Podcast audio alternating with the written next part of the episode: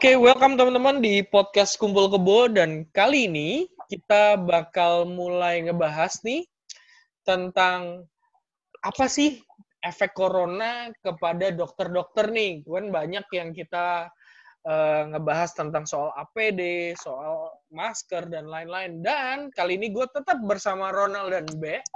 Tapi Halo, halo. Yo, halo, halo. Halo. Dan kita kedatangan seorang dokter. Mungkin boleh dokter sapa para pendengar dulu? Halo semuanya, selamat malam. Saya Wah, Zaini. Oke. Ah, Nah, dok boleh uh, Selamat introduce malam. dikit nggak dok? Ini dokter dokter apa? Ininya di mana? Biar biar teman-teman pada tahu nih. siap. Saya nama saya Zaini Hamzah. Kalau singkatannya di karena saya bedah saraf, bedah saraf itu semua yang lulusan Surabaya itu punya singkatan sendiri-sendiri yang Ah, pasti berbeda, nggak akan sama. Oh, Singkatannya Uner juga Zin. nih betul.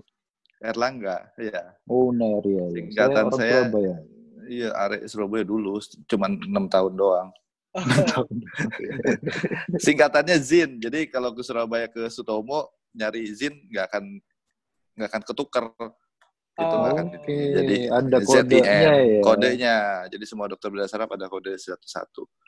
Oh, Saya kerja sebagai dosen FK KUMJ oke. karena sebagai dosen FK KUMJ maka saya harus kerja di Rumah Sakit Islam Jakarta Pusat Cempaka Putih. Oke. Oke, Udah berapa lama tuh dok? gitu. Baru baru lulus 2014. Oke. Masih masih lama motoran. Oh iya. Buat informasi juga nih, dokter ini hobi motor gede nih. Pakai Victory ya dok? ya? iya, Victory. Victory. Gitu. Victory Oh, India. Victoria tuh Nah, sering lihat lihat doang sih. motor polisi. Lu sering ditangkap tuh Be, kayaknya Be. Enggak, kan di Fatmawati ada Victory cuy. Oh gitu, ya ya ya. Oh eh, mungkin kita kenalin satu-satu. Ronald itu dia dosen, Siap. Uh, dia dosen di, sama dong. iya dia juga ngajar. Ngajar, tapi lebih ke arah bisnis, dok. Gitu. Nah, keren, keren. Siap. Hmm. Kalau Mbak ini dia sutradara, Wah, mantap. beda macam-macam. Iya, ngikut Axel, ngikut Ronald juga, Dok. Iya. Sama-sama pelacur juga ini. Sama videographer gitu. Iya. Saya sih sebenarnya tukang motor. Nyambi Eh. aja jadi dokter.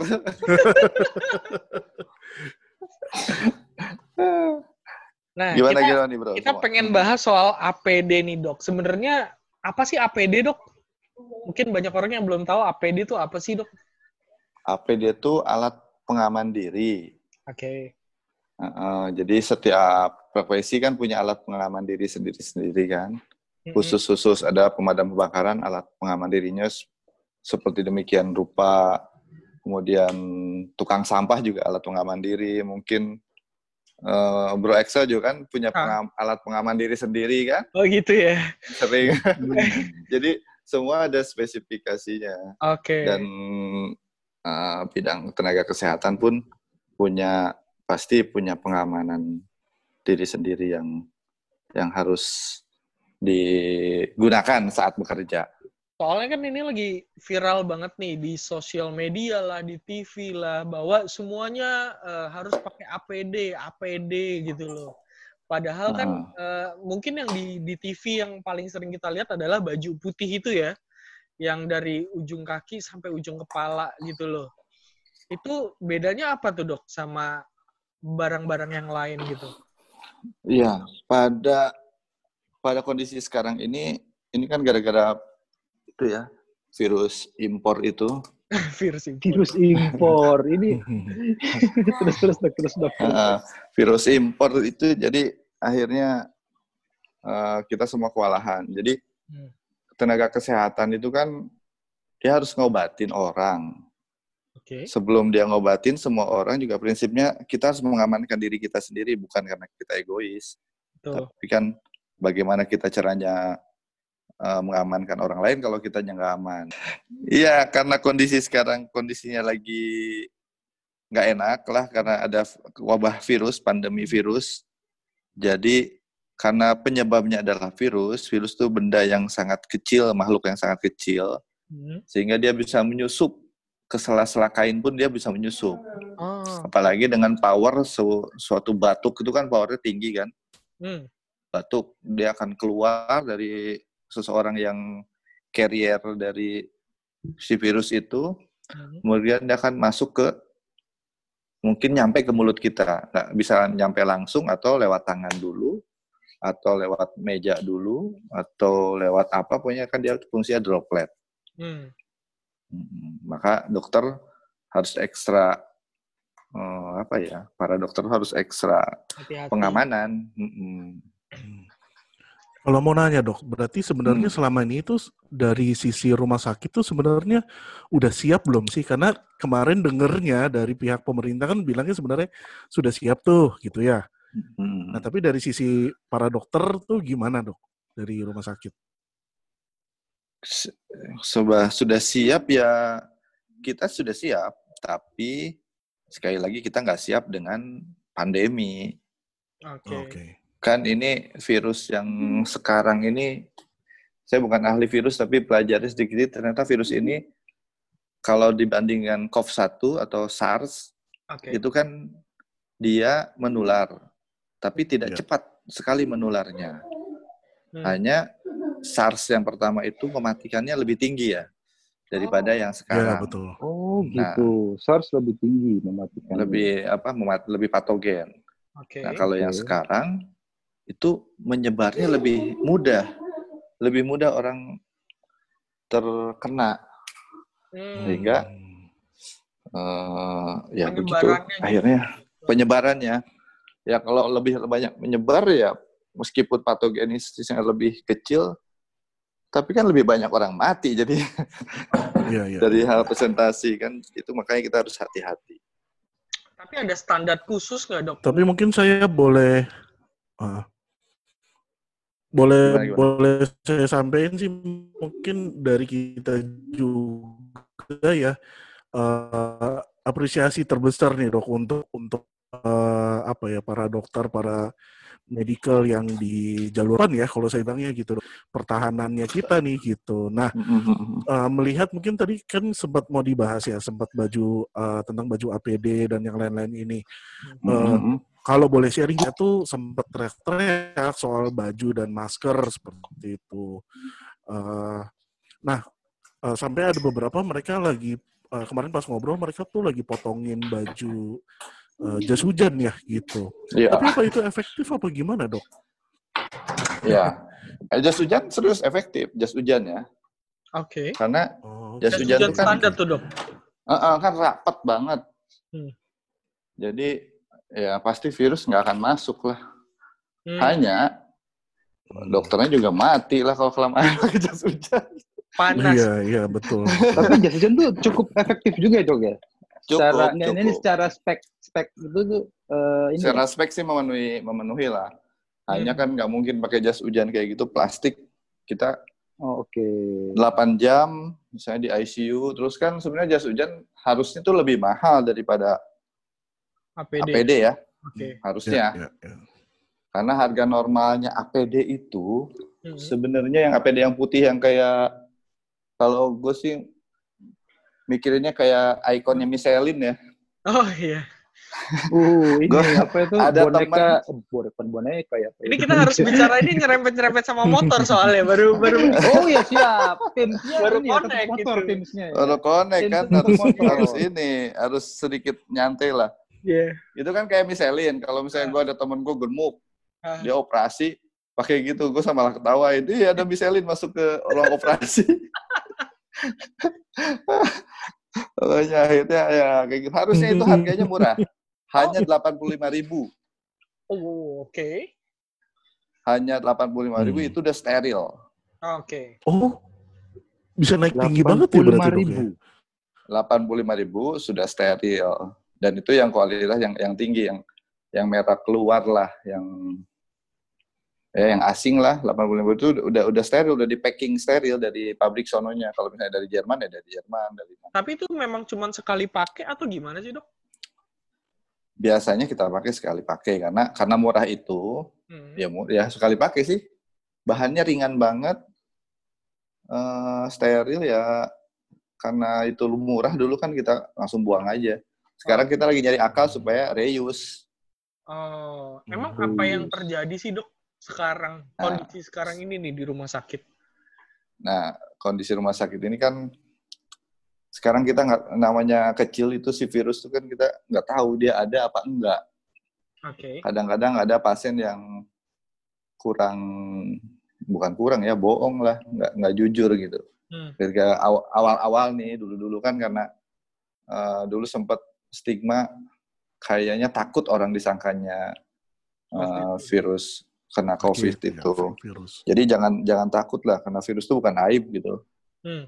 jadi harusnya jujur aja jadi ada pasien awal-awal dia nggak jujur kan yang ceritanya di rumah sakit rumah sakit eh, di Depok di Cibubur gitu kan dia nggak jujur kalau dari luar negeri Hmm. ada batuk pilek demam kita dulu dulu kan nggak aware kan karena masih ada zero masih ada masih belum ada masuk gitu Oke.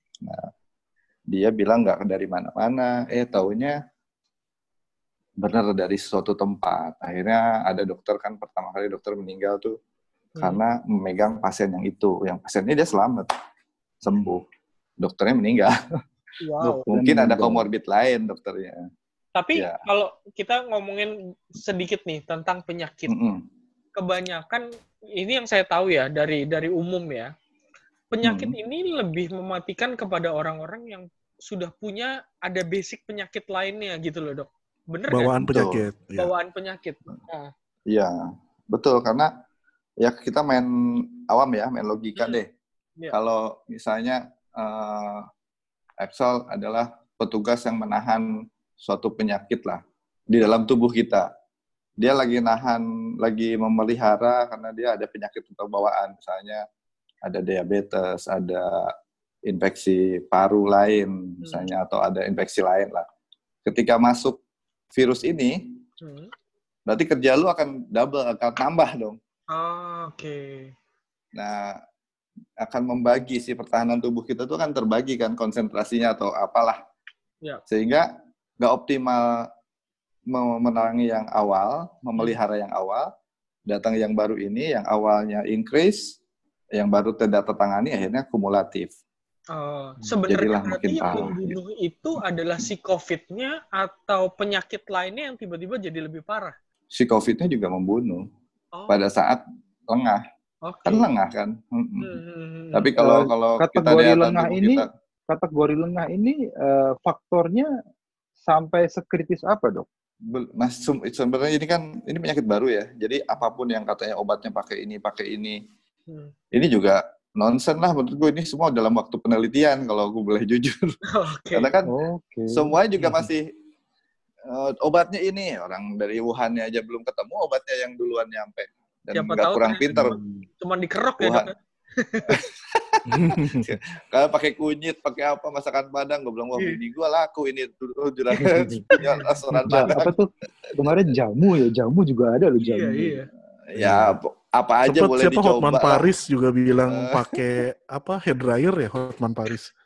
Kalau salah juga aneh semuanya. Wah, tahu gitu anak moge aman dong, Dok. Kan udah panas semua. Dok. Lah yang kemarin awal-awal udah ngomong statement alkohol ini ya kita ngebir-ngebir aja dong berarti.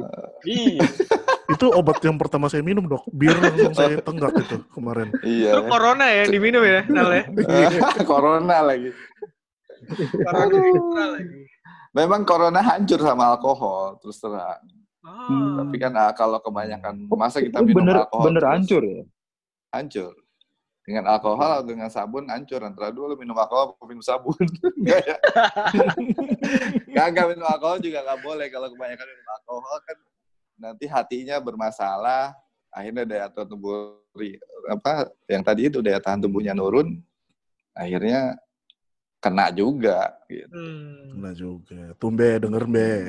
Hmm, Iya, Apalagi iya. gua. Dia Indomie kok, dia Indomie. Tenang. Gue gue Indomie aman, aman. Gue Indomie. Aman. Dok, tapi Yep. mau nanya dok, soal tadi kan sempat dibahas ya sama Axel. Nah, dokter ini mau melakukan campaign gitu ya dok ya. Uh, Kalau ngomongin soal campaign kan berarti apa ya kalau saya bilang tuh kegelisahan hati kita yang kayaknya pengen melakukan perubahan gitu dok. Boleh diceritain nggak dok campaign itu sebenarnya apa sih campaignnya? Nah, kampanyenya itu gue sebenarnya terima kasih sekali kalau orang-orang yang nyumbang APD ke rumah sakit, ke dokter-dokter, ke mana-mana. Terima kasih banget. Hanya, ah, lu kan orang bisnis ya, Ronald ya. Bisnis kan pasti belajar belajar. Iya. akan gimana kalau kita semua mencari APD, pasti pasar akan naik dong. Yep. Iya iya betul. Nah, pasar akan naik, akhirnya pen- muncullah eh, pedagang-pedagang dadakan APD, Nah, pedagang-pedagang dadakan Ya. alkes. Hmm. Yang gue heran itu aturan dari Undang-Undang Kesehatan Indonesia itu udah rapi, karena pedagang Udah benar alkes ya? itu di- ada aturannya. Hmm. Yep. Oh, Pedagang harus ada license, itu license-nya gitu ada ya? izinnya, betul. Ada Izin, izin ya. IPAK namanya, izin pedagang alat kesehatan. Itu susah. Gue dulu lagi dokter umum bikin perusahaan gitu lah buat buat nyambi nyambi dulu di Kalimantan. Itu buat dapat IPAK itu dari lima perusahaan cuma satu yang gue dapat IPAK. Oh, Hmm. Repot, benar-benar ya. repot. Dan sekarang kalau kita lihat di toko di mall-mall online di mana-mana di jualan alat kesehatan yang Hmm. katanya nanti disumbangkan ke rumah sakit. Oke. Itu eh, miris menurut gua. Ya dari sosialnya salut, tapi cara membelinya alat Hmm. kesehatan itu harus dibeli dari agen yang resmi, Resmi, produsen yang resmi. Karena kalau salah-salah, ya sorry, Hmm. Masker aja pernah dengar ada di reuse kan? Yep. Iya iya iya. Iya, Apalagi iya, baju benar. kayak gitu yang akan lebih mahal. Hmm. Itu eh ya bisa aja sih ada oknum-oknum yang mereuse, misalnya bersihkan sedikit lah eh, noda-noda atau terus dira, apa dirapihin lagi, di Packing packing ulang. lagi. Nggak bisa dalam negeri, bisa luar negeri. Apalagi kata kalau misalnya, oh ini saya enggak kok saya impor dari Cina misalnya, dari Hmm. Korea, dari mana? Itu lebih ngeri lagi aku. Karena nggak tahu di sana yang- diapain gitu ya. Heeh, Iya. importirnya importirnya dari mana ini importirnya? Importir itu kan harus jelas siapa yang importirnya dan lain-lain. Aku nggak ngerti. Hmm. Karena Ya, ini harusnya jalur kalau impor, kalau tadi eh ya terus terus terus. terus. heeh. kalau motor aja bisa di ini kan bisa ditundupin apalagi yang kayak gini-ginian gampang banget gitu. Nice. Ya harusnya dengan aturan yang jelas ya dari Mm-mm. peraturan kita secara konstitusi gitu kan. Harusnya para para apalah itu ya penimbun atau penjual yang tidak mempunyai izin bisa di sweeping dong dengan dengan Bisa. data ketika mereka Bisa. memperoleh atau Bisa. membelinya kan. Bisa, Berarti sebenarnya Tapi kita kan- nggak boleh sembarangan untuk jual masker dong dok. Kita bicara masker. nggak ya? boleh. Makanya kemarin ada yang yang ke sita masker itu ya salah satu delik aduannya bisa kayak gitu. Oke. Karena dia nggak punya izin IPAK. Hmm. Hmm. Ini banyak yang Tapi- jadi produksi karena ya balik lagi tadi kebutuhan bisnis tadi dok. Betul. Nah, yang produksi Hmm. menurut gua lebih aman lah produksi ya, beli bikin sendiri Hmm. karena ibaratnya lebih, lebih mungkin akan lebih bersih. mungkin juga lebih bersih daripada yang Reuse impor tadi. atau yang reuse tadi yang nah, inilah kalau kalau kecuali dari eh, merek tertentu ada kok pabriknya di Indonesia juga. Malah Ah. orang suatu merek eh, APD itu yang yang induknya di Jepang. Hmm. tapi pabriknya di Indonesia di Cikarang. Eh di Cikarang apa Cibitung lah gitu. Hmm. pabriknya di sana. Gue pernah ngobrol sama produsennya sam terus sampaikan ke bos juga kenapa mahal kata dia dia memang sebenarnya bikin di Indonesia buat pangsa di di Jepang bukan Oh. buat di Indonesia jadi bahan karena bahannya impor Oke. Heeh, jadi ketika kemarin dia di stop ekspor Hmm.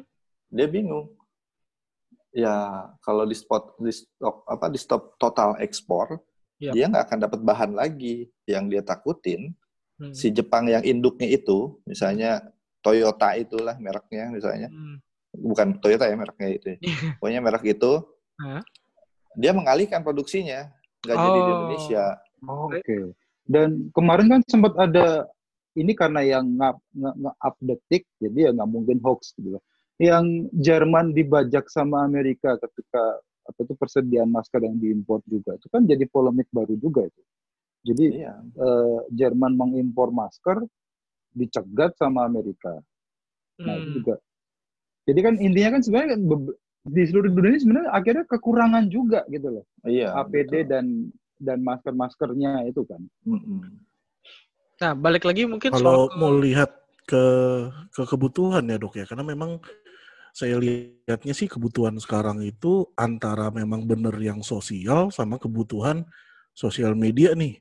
Nah itu yang menurut saya juga kayaknya distribusinya Nah, juga nggak rapih gitu cukup- ya kalau saya lihatnya.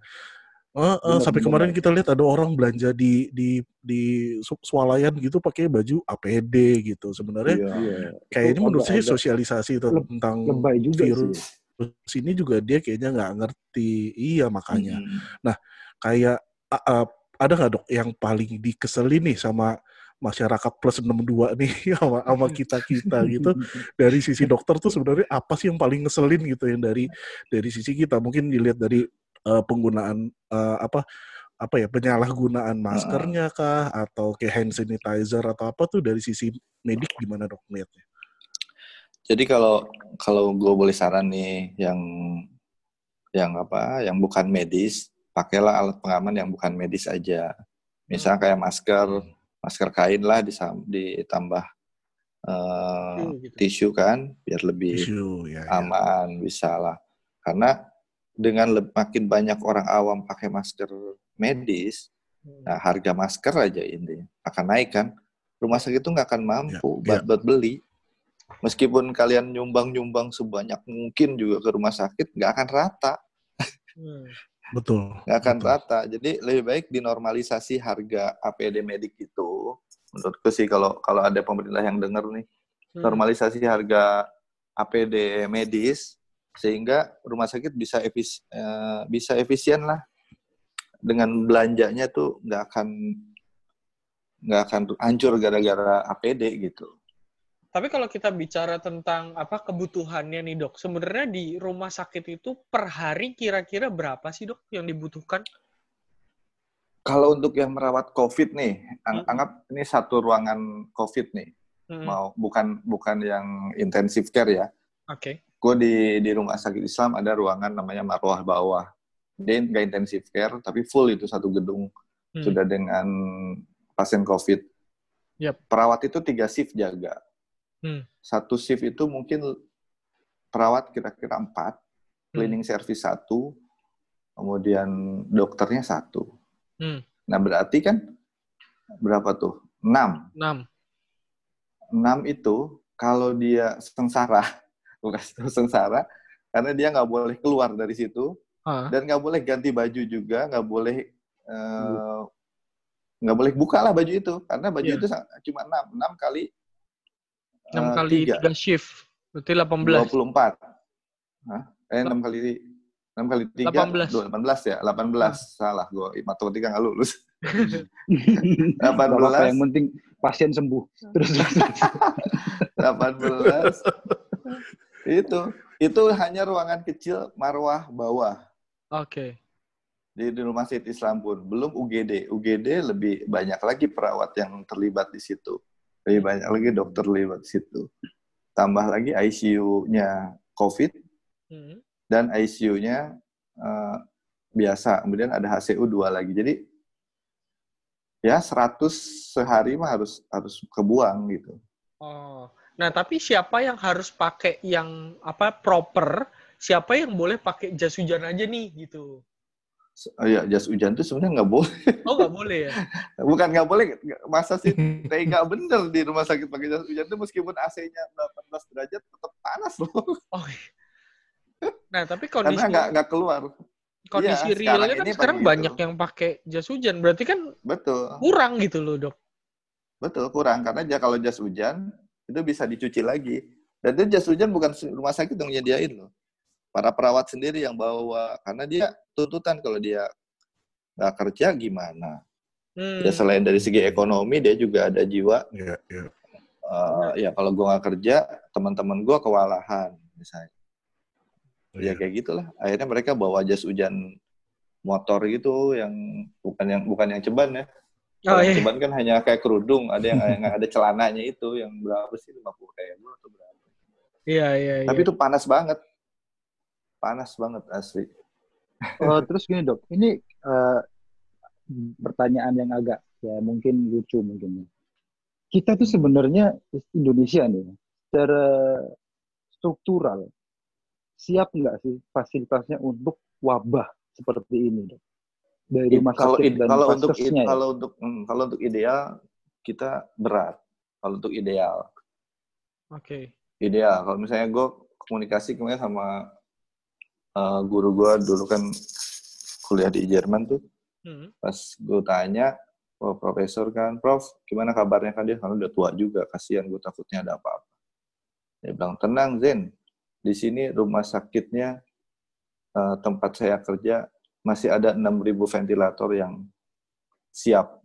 6.000 dalam arti gila bener. Kota Munchen 6.000 yang masih nganggur. Bayangin aja di Jakarta itu di di ruang yang ICU COVID-nya rumah sakit Islam cuma dua, Wah, jauh banget. cuma dua dan udah terpakai. Wow. Jadi yang yang yang empat bed lainnya nggak pakai ventilator memang belum perlu dan ya mudah-mudahan jangan sampai perlu. Hmm. Ada di ICU paling kalau memang perlu banget di ICU yang non COVID dengan sangat terpaksa diturunkan ke bawah. Tapi eh, mungkin balik lagi ke soal campaign tuh dok. Nah, Mhm. Eh, apa? Jadi lebih mengkampanyekan eh, dari sisi apanya nih dok? Jadi jangan berlomba-lomba beli APD deh kalau menurut gua. Hmm. berlomba-lomba. Padahal ya. sekarang gini, misalnya saya seorang seseorang ya, orang Ah. awam ya, kita bicara. Hmm. Sebenarnya buat apa kita beli APD juga gitu? Lah itu kan kadang-kadang berlomba-lomba pengen itu Instagramable. Misalnya Oke. Bang tadi. lo beli lo Ya, beli dianggap beli- influencer gitu ya. Ah, ah, Hmm. jadi kan sekarang ya yang sosial tinggi banyak, tapi ada ada juga kadang-kadang yang kalau dulu kan kita diajarin memberi sesuatu sedekah dengan tangan kanan, tangan kiri nggak boleh lihat ya. Iya. Ya. Nah sekarang kan tangan kanan ngasih sedekah, tangan kiri pegang handphone. Oh, iya. Nah itu yang yang kadang-kadang aduh miris ya. Eh, jadi kebanyakan upload daripada nyumbangnya ada juga, tapi ada juga yang tulus banyak. Terima kasih kita. Hanya Hmm. kalau Iya. berlomba-lomba beli APD yang eh, ya pasti segi ekonomi APD akan makin tinggi harganya. Karena permintaan Biar- tadi ya. Eh, eh, biarlah Iya. rumah sakit sendiri yang eh, Request gitu. yang request pengadaan nanti pemerintah yang eh, membeli ke tempat yang benar-benar valid gitu. Tapi kenapa Kalau dari rumah sakit Iya. kewalahan. Tapi kenapa dari pemerintah sendiri nggak ngeblokir misalnya semua itu cuman boleh jual ke pemerintah contoh misalnya seperti itu. Sudah, sudah. Gue yang gue tahu tuh Hmm. eh, alat apa kayak katanya kemarin keluar dari kepolisian kalau tidak ada izin edar untuk rapid test deh, rapid test aja tidak izin eh, tidak ada mengeluarkan izin edar. Jadi yang jual-jual rapid test ilegal semuanya. Oh gitu. Oh, itu ilegal juga. Lah kan Tapi apa kayak termasuk halodoc gitu gimana dok? Halo dok sebenarnya Oh, itu juga dapat dari dari pemerintah disuruh Dari pemerintah disuruh ya? pemerintah untuk eh, menyebarkan itu.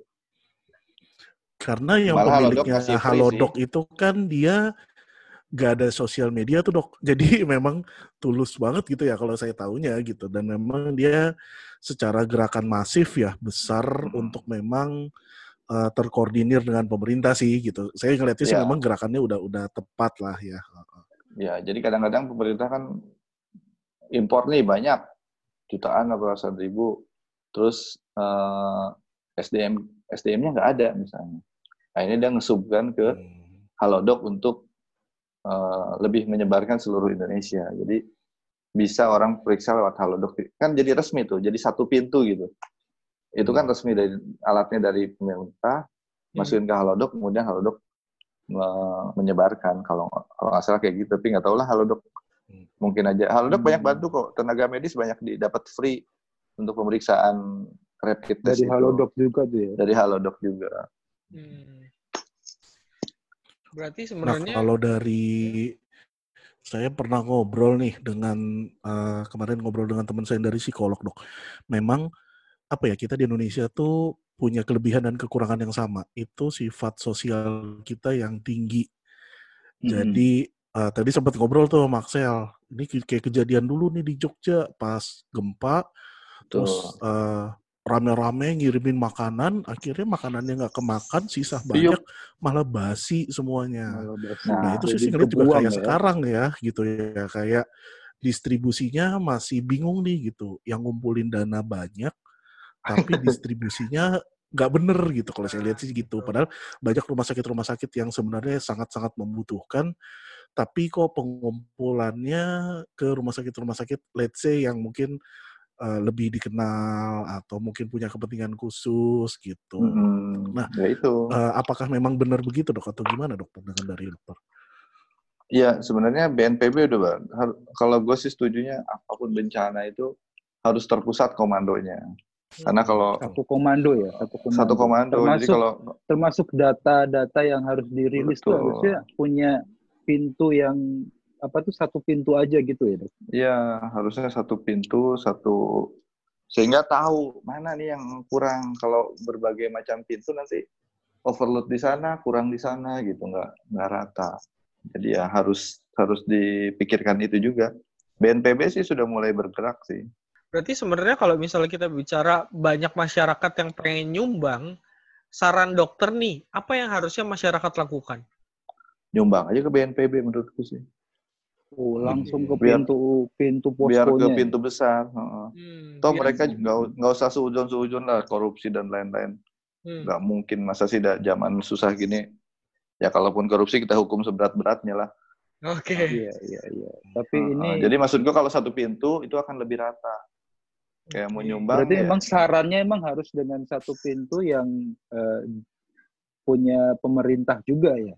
Uh, kalau mau ke medis ya, menurutku. Ke medis. Jadi okay, okay. berhentilah beli jual apa beli APD menurutku ya.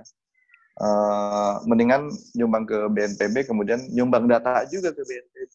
Misal uh, sekitar lu ada rumah sakit kecil nih tapi nggak oh, mampu tidak belum ter uh, ini ya belum terekspos datanya belum terekspos. jadi mereka tahu ya untuk menyalurkan karena ada BNPB agenda juga, tambahan gitu ya. Hmm, hmm, jadi kita bisa jadi matanya BNPB bisa juga jadi uh, donatur BNPB kalau perlu hmm, tapi bukan jadi, berarti menjadi direct langsung ke rumah sakit yang membutuhkan. Bukan menurutku. Hmm, atau bisa jadi lebih enak satu pos biar data penyaluran juga terstruktur juga ya dok ya? Iya hmm. Terus kan kalau kayak gitu BNPB akan nanya, misalnya kita bawa APD ini banyak hmm. ke BNPB, BNPB akan nanya dari mana sumbernya. Hmm. Dia kan punya data, misalnya dari dari gue beli dari toko ABC, hmm. toko ABC itu nanti dilihat loh ada izinnya nggak toko ABC. Nanti bisa BNPB nyuruh kepolisian ngecek ke, ke ABC, bener nggak? Dia impor barang dari mana, dari mana itu suruh bisa. Oh udah clean, baru dibagiin sama BNPB kan tenaga kesehatan pun akan lebih aman. Sebenarnya kayak gini hmm. berarti mengamankan para hmm. donatur juga ya dok ya. Jangan Betul. sampai ternyata uh, yang udah disumbang APD-nya tidak standar atau tidak resmi, ujung-ujungnya sumbangan hmm. itu jadi mubazir dong ya. Betul. Mubazir, nah itu. Ya menurutku sih satu pintu. Kalau mau nyumbang, kalau mau nyumbang, ya nyumbang masyarakat umum lah, supaya jangan keluar rumah dan gue tadi salut juga ya teman-teman yang so ya yang hmm. dia ya, pada pintu ke pintu gitu maksudnya Betul. jangan di jalan oke okay. sorry ya kalau misalnya gue liatin kan ada beberapa yang bagiin makanan ke ojek online di jalanan oh oke oke gitu itu aku tuh bukannya ini gitu. enggak jadi malah ya mudah-mudahan enggak ya malah merangsang hmm. orang untuk berada di jalan ah gue di jalan aja oh, deh. di jalan betul betul hmm. biar biar dapat sumbangan gitu kan dan itu, biar makanya, di videoin sama orang lain itu. Si pansosnya itu loh. Ya makanya tangan kanan menyumbang, tangan kiri pegang HP sekarang itu fenomenanya. Live ya. Jadi mungkin soal distribusi ya dok ya. Berarti sebenarnya kan ada beberapa orang yang pinter nih dok ya, pinter Mm-mm. untuk mengumpulkan gitu ya. Ini kayak nih Mm-mm. tetangga saya nih dok Arif Muhammad nih. Dia dalam waktu dua hari kekumpul dok 2 m lebih tuh dok, 2 Wah, m bagus 3 m. Tapi itu kita nggak lihat jelas kayak ini dia mau nyumbang ke apa, dalam Betul. bentuk apa. Uh, Mm-mm. mungkin tapi saya percaya mungkin kalau udah se- selevel dia pasti tepat lah ya. Tapi ada beberapa teman-teman saya memang yang eh kalau saya jahatnya bilang influencer nanggung gitu ya. Ada yang jelas dok, kelihatan ini transparansi, ini laporan keuangan, ini laporin. Tapi ada juga yang ayo kumpulin uang, nanti kita mau bantu misalkan eh, kasih makanan. Tapi kasih makanan nih kadang gitu yang kayak kadang biskuit dikasih kan padahal nggak bergizi ya dok. ya. Mm. Itu yang makanya gimana ya cara orang tuh kayak mungkin yang tadi saya bilang ya sosialnya kita tinggi. Cuma Uh-uh. mungkin apa dok yang bisa disampaikan kepada teman-teman influencer yang mungkin kalau mau ngumpul dana atau mau melakukan tindakan seperti itu tuh lebih baiknya Lebih tepat apakah gitu. mereka juga nanti nyumbang ke satu pintu aja atau gimana dok gitu ya. Jadi balik lagi kan virus ini ini virus gitu. Virusnya ada fasenya, fase inkubasi sampai fase puncaknya, kemudian dia akan menurun selaras dengan munculnya imunitas kita masing-masing kalau eh, tidak ada komorbid lain atau penyakit lain yang menyertai sehingga bisa membuat fa- fatal bagi orang itu. Hmm. Nah, ini butuh waktu kan Iya. untuk Iya. munculnya imunitas itu. Nah, untuk nunggu waktu itu, maka disarankan orang kan di semua orang di dunia ini disarankan untuk diam di rumah. Hmm. Diam Ya.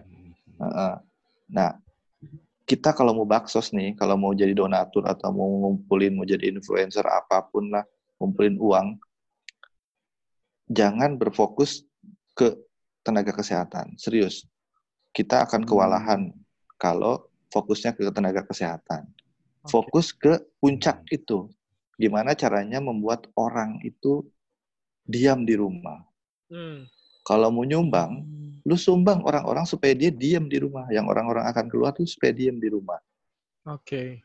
Sumbang Gimana ide caranya? gitu ya, Dok, ya? Oh, menarik sumbang ya, Dok, ya. ide, oke. sumbang apa, misalnya ada yang jago e-commerce, latihlah dia untuk Hmm. e-commerce. Hmm. Kalau misalnya dia yang punya warung nasi, lu mendingan bayarin tuh warung nasinya sehari, bagiin ke warga di sekitarnya supaya warga itu yang kurang-kurang tuh nggak ada, nggak ada lagi yang keluar gitu, nggak ada lagi orang yang gua harus keluar karena harus makan. Nah itu Hmm. Hmm. bisa nggak? Kalau yakin bisa sih kalau semua influencer bergabung, berbuat. Karena kalau nggak seperti itu, lu ngasih APD sebanyak mungkin ke rumah sakit, lu juga ngasih pasien sebanyak mungkin ke rumah sakit. Iya, iya. Oh. Jadi kan lebih Malah baik lebih ngasih lu- masalah ya. lu bantu kita dengan tidak membuat orang jadi sakit. Oh, Itu yang paling enak. poin. Ya. Nah, tapi menurut dokter Hmm. sendiri nih, uh, Mm-mm. kira-kira sampai kapan nih pandemi ini di Indonesia nih, Dok? Kalau lihat dari kemarin rapat yang di bos-bos tuh, Ya. kalau seandainya kita nggak nggak tertib, nggak tertib lah, masih kayak sekarang nih nggak tertib serut serang nih. Itu baru baru turun baru turun parabolanya itu di bulan Mei Mei. tahun depan. Iya memang sih. Kemarin itu ada ada statement dari Eropa bahwa mereka itu Iya. bahkan sampai ada yang ready untuk dua tahun. kenapa, Me? Sorry. Ngeri ya? Eh, jadi ada gue baca di beberapa negara Eropa ini negara-negara yang sangat maju juga ini. Mereka aja udah ready berusaha ready untuk kondisi dua tahun. Wow. Dua tahun ya betul. Mm-mm. Ya itu sih berdasarkan dulu zaman dulu kan ada wabah influenza tahun 2000 Influenza. tahun 1918 Ya. ya. Mereka Nah, mungkin nyontoh dari Dia situ. tiba-tiba hilang 2020 eh, 1920 itu hilang influenza itu. Berarti perkiraan kalau dibiarin ya dua tahun, tapi dulu kan warganya juga sedikit. Hmm. Ya, dulu juga dengan kondisi Orang. yang teknologinya juga tidak se Belum ada Instastory, Dok. Masalahnya, Dok. iya juga. Oh iya. Tapi kan sama ini loh, sama kondisi ini kan kalau gue pribadi ya, ya hmm. waktu itu ya saya kita ngomongin di grup tuh ya Nel. Ya. Kita ini butuh asupan uh, berita-berita yang positif vibes gitu loh untuk hmm. me, me, apa ya, ya me, menyebarkan bahwa bukan ke kengerian, bukan ketakutan, hmm. tapi justru harapan-harapan yang ada kayak sembuhnya pasien berapa, terus proses sembuhnya atau mungkin uh, apa tuh beberapa pasien yang misalkan nih banyak yang memperkirakan karena usia atau ini ternyata dia selamat. Nah itu kita tuh nggak nggak pernah ada informasi seperti itu sih dok. Hmm. Ada, jadi ini temen gue akrab sendiri, dia spesialis paru terinfeksi terinfeksi dan positif dan pak waktu itu teman hmm. sejawatnya meninggal tapi dia Selamat. positif dan uh, akhirnya harus dirawat eh, uh, hmm. di karantina dan dirawat. Nah, dan sekarang udah sembuh. Oh oke. Okay. udah nah, negatif. hal-hal kayak gitu tuh nggak ada kanal berita yang menyebar gitu loh. Maksudku tuh kenapa yang disebar justru kengerian tentang red zone oke itu emang penting ya.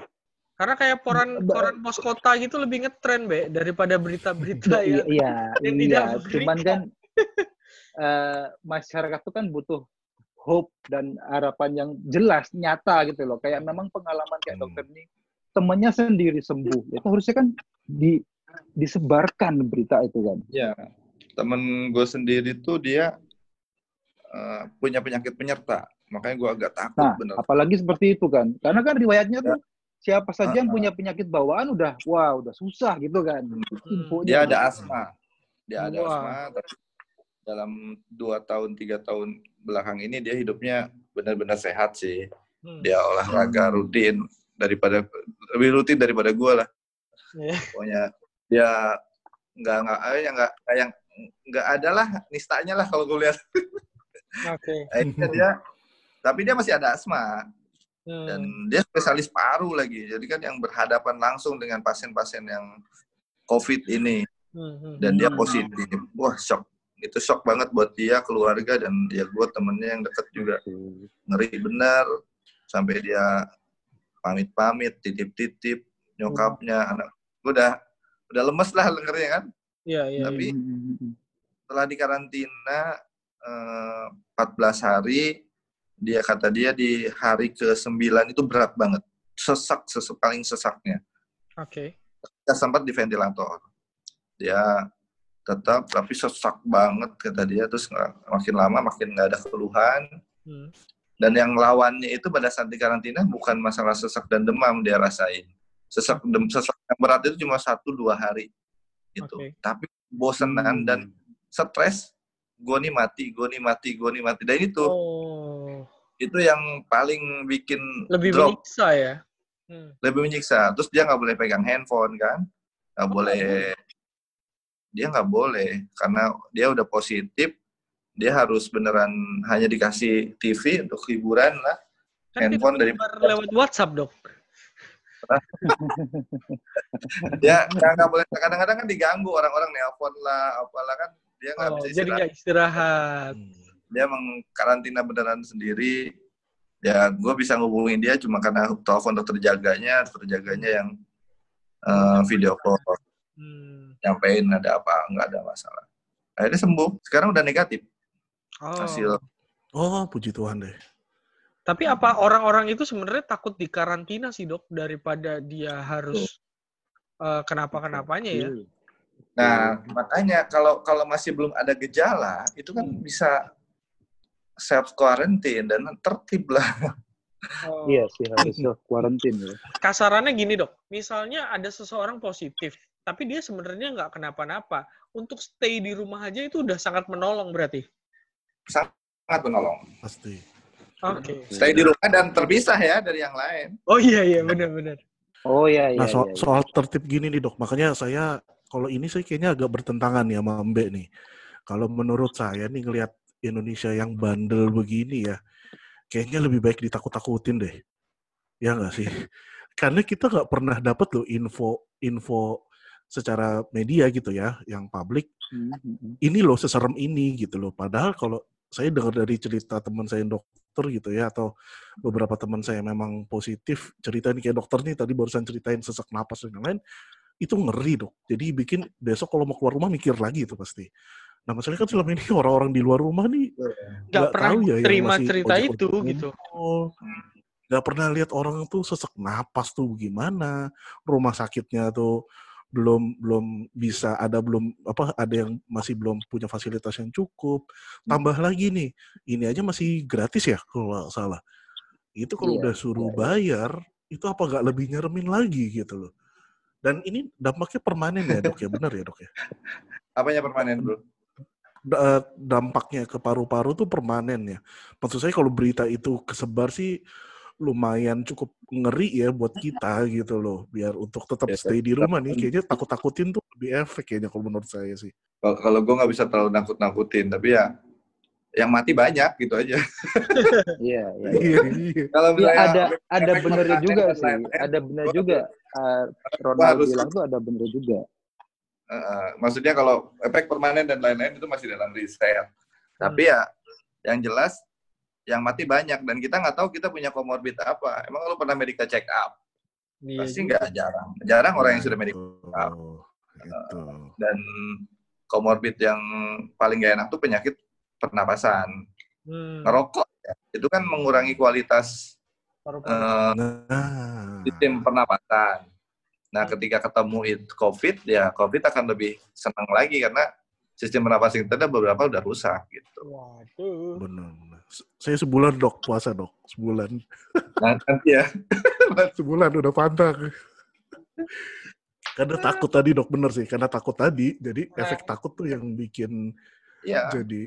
Karena diomelin bini lu kalau di rumah kan. Kan lu biasanya di luar. sama itu juga. Dok ngomongin Ya. soal distribusi APD nih dok. Kalau Ah. ngomongin soal distribusi berita nih dok, apa Hmm. dok yang kasih masukan untuk ibu-ibu nih, ibu-ibu WhatsApp yang suka forward nggak jelas dok tuh. Berita-berita hoax yang Ini panik eh, panik forward, ah, panik forward, betul. panik Karena forwarding apa kalau ya? ini. nggak dibaca, Iya, lihat judul udah langsung di forward. Eh, itu menurut saya ketakutan yang nggak jelas ya, ketakutan yang yang yang salah tuh kalau saya bilang tuh. Ditakut-takutin dokter nggak apa-apa, tapi kalau ditakut-takutin nama ibu-ibu WhatsApp atau ibu-ibu di warung, wah saya nggak terima gitu. Itu buat buat para para panik attack yang forward forward nggak jelas tuh gimana dok? Iya, sebenarnya bukan bidang gue ya tukang forward forward gitu. Tapi yang jelas buat ibu-ibu yang forward itu sebenarnya, eh, aduh, kalau ibu sekaya siapa ya, sekaya si Zuckerberg gitu mungkin Oke. nggak masalah. Satu, ka- satu kali mengirim WhatsApp hoax kan satu miliar dananya, dananya kan, dendanya kan, kalau nggak salah. Oke. Kalau dia satu kali nge-forward Iya, hoax, iya, benar, miliar, benar. bayar, miliar bayar nggak apa-apa.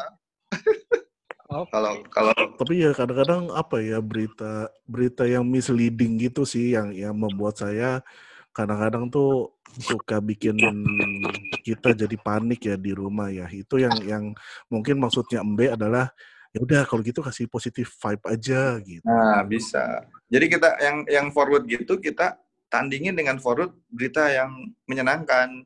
Kalau menurut gue sih. Jadi kita penuhi dengan yang menyenangkan. Ah, Kalau mencegah Oke, oke. ibu-ibu mah susah tapi ya. selalu ngebalance ya dok ya. Mending dikasih aurece aurece gitu lebih banyak ya. Hmm. Jangan kebanyakan 4 menit tapi ya. Wah, tapi, tapi seru sih, seru sih ngebahas ini. Soalnya banyak banget yang sebenarnya masyarakat awam tuh belum belum banyak yang tahu gitu loh, Dok. Iya, pokoknya intinya kalau menyumbang satu pintu lah. Satu pintu ya. Iya, iya. Bukan. Ya, itu tuh itu concern, ini sih. concern penyumbang sekarang adalah concern cukup membuka informasi sih itu. orang diam di rumah. Bentar, bentar, bentar. Ini sinyal aman nggak sih? Gue dari tadi Sinyal agak jelek sih. Gimana, Dok? Tadi kalau nyumbang kalau mau dona mau dermawan mau jadi donatur gue sih lebih setuju untuk yang awam nih Hmm. mendingan membuat orang tidak keluar rumah Oke.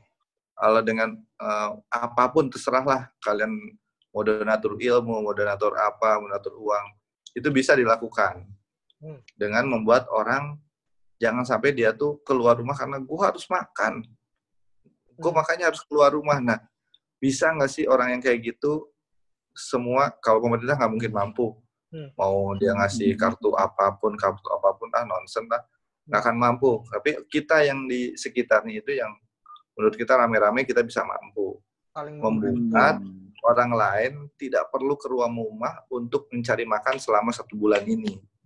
Oke. Okay. Satu bulan ini full. Satu bulan, satu bulan ya. Gue nggak nggak bilang dua minggu, satu bulan. Satu bulan. Ini dari dokter sendiri sudah me memberikan sebuah rentang Talent waktu sih. satu bulan. Satu bulan karena dan itu harus continue.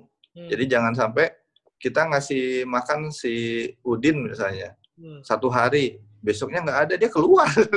Sama. Eh, ada ada yang ini nih, apa tuh akhirnya upaya eh, upaya-upaya apa ini untuk APD? Misalkan apakah ada ya kayak kemarin aku di Jogja itu teman-teman di Star Cross itu akhirnya membuat APD gitu kan. Hmm. Membuat APD dengan ya mungkin bahannya juga mereka sudah me, meriset duluan lah ya dan mereka mem memang me me menyalurkan APD itu khusus untuk para garda depan medis dan dan para garda depan gitu loh. Nah kalau yang dokter tahu tuh uh, yang kayak gini-gini banyak nggak sih kayak uh, apa itu kayak yang di Jogja itu akhirnya ada distro baju membuat uh, eh, APD gitu. Hmm, kayak Ana Avanti ya, Ana Avanti juga bikin baju APD gitu. Hmm. Banyak sih, banyak gak apa-apa. Menurut gue daripada perawat gue nggak pakai APD sama sekali ya, pakai itu nggak apa-apa. Tapi alangkah baiknya negara membuatkan APD yang benar-benar standar medis itu. Standar medis ya, dengan ukuran dan spek yang standar medis. Betul. Tapi daripada nggak ada ya buatannya aneh Avanti nggak apa-apa. Buatannya Prada juga boleh. Iya Prada juga ada ya. Tetap stylish. Jadi mewah. apa -apa. tapi kan itu bukan medical ini ya standar ya. Medical hmm, standar standar ya, ya. Ketat banget. Aku sih kalau di ruang operasi nggak mau nggak hmm. mau buatan-buatan yang itu buatan yang medical standar makanya itu yang jadi susah dicari tapi ada ininya sendiri nggak sih untuk di rumah sakit sampai apakah sampai sekarang misalnya kasirnya rumah sakit harus sudah pakai proteksi yang sangat lengkap gitu? Enggak juga. Harus, harus karena kasir resepsionis dia malah paling bahaya, dia nggak tahu itu pasiennya pasien apa. Oh, oke. Okay. Kalau di orang-orang di ICU di mana kan dia udah udah aware ya. Wah, gue okay. berhadapan dengan positif COVID. Nah, yang di depan ini satpam. Hmm. Apa itu kasihan menurut gue mereka emang pakai sih masker yang medik. Hmm. Cuma ya tetap haruskah kan mereka pakai APD lengkap? Harusnya tuh hmm. sekarang nih semua rumah sakit itu ada pintu screening. Kalau masih tempat gue yang satu lagi tuh di Omni, huh? orang berobat aja harus screening. Oke. Okay. Jadi perawat responis pakai APD lengkap, kemudian ketika dia masuk mau berobat ke mana pun kalau mau naik ke poli dia harus foto ronsen minimal sama rapid test. Oh. Kalau negatif diizinkan naik, kalau enggak suruh ke rumah sakit lain. Oh. Galak ya. Hmm. Tapi dia dia benar dia menjaga harus ada rumah sakit yang clear dari COVID. Kalau enggak yang misal amit-amit kalau misalnya sampai ada yang stroke gitu, kan yeah. dia non COVID nih, hmm. dia harus go operasi hmm. kan. Hmm. Dan kalau gua habis operasi ternyata di rumah sakit itu ada COVID, kan nanti dia sembuh dari selamat dari stroke. Kena COVID. Kena COVID. Nah, apalagi pada saat pasca pemulihan stroke kan dia akan lemah. Hmm. Berarti Jadi, sebenarnya nggak salah dong untuk rumah sakit menolak pasien COVID. Iya, dia harus mengirim karena dia tidak tidak kompeten juga untuk merawat COVID. Okay. Mungkin ya, bukan menolak, ada rujukan ya dok ya, rumah sakit rujukan. Merujuk tapi ya, merujuk. Merujuk. Mungkin bukan menolak menurut gue sih. Hmm. Jadi kalau tempat gua kalau ternyata COVID ya. dimasukin ke ruang isolasi, kalau yang di rumah sakit Omni ya, di rumah sakit ya. isolasi, nanti dia akan telepon rumah sakit yang rujukannya. Oh, tapi tetap ada penanganan awalnya dulu ya? Ada, pasti. Kalau saya pasien demam dengan sesak, masuk dulu, kita tolong dulu, tapi tetap di ruang isolasi, nggak naik ke atas. Oke. Okay. Hanya room GD di isolasi, okay. kita tanganin sebisa mungkin di situ. Karena kan kita juga terbatas juga. Hmm. Apalagi Oke. dan itu hanya satu. Misalnya kalau ada pasien yang lain lagi, wah repot. Betul, betul. Oh, eh, anu dok, eh, ruang isolasi yang di rumah sakit itu eh, impact-nya lebih cepat atau eh, maksudnya dengan kita mengisolasi diri yang mudah positif nih, akhirnya di di rumah itu lebih cepat terbantu ketika di rumah sakit apa gimana nih? Apa itu secara teknis Kalau kalau medisnya? ada kalau ada keluhan, kan ada ada sakit COVID itu ada ada kriteria ya. Hmm. Ada orang yang Hmm. positif tanpa gejala. Jadi dia positif tapi nggak ada gejala apa-apa. Mungkin kita semua ada, bisa aja positif Oke.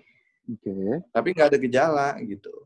oke. Nah, dia iya tuh sih, ada nggak ada bahaya gejala buat- juga sih. Tidak bahaya buat diri dia, tapi dia bahaya buat orang lain kalau ketemu. Bahaya menyebarkan ya.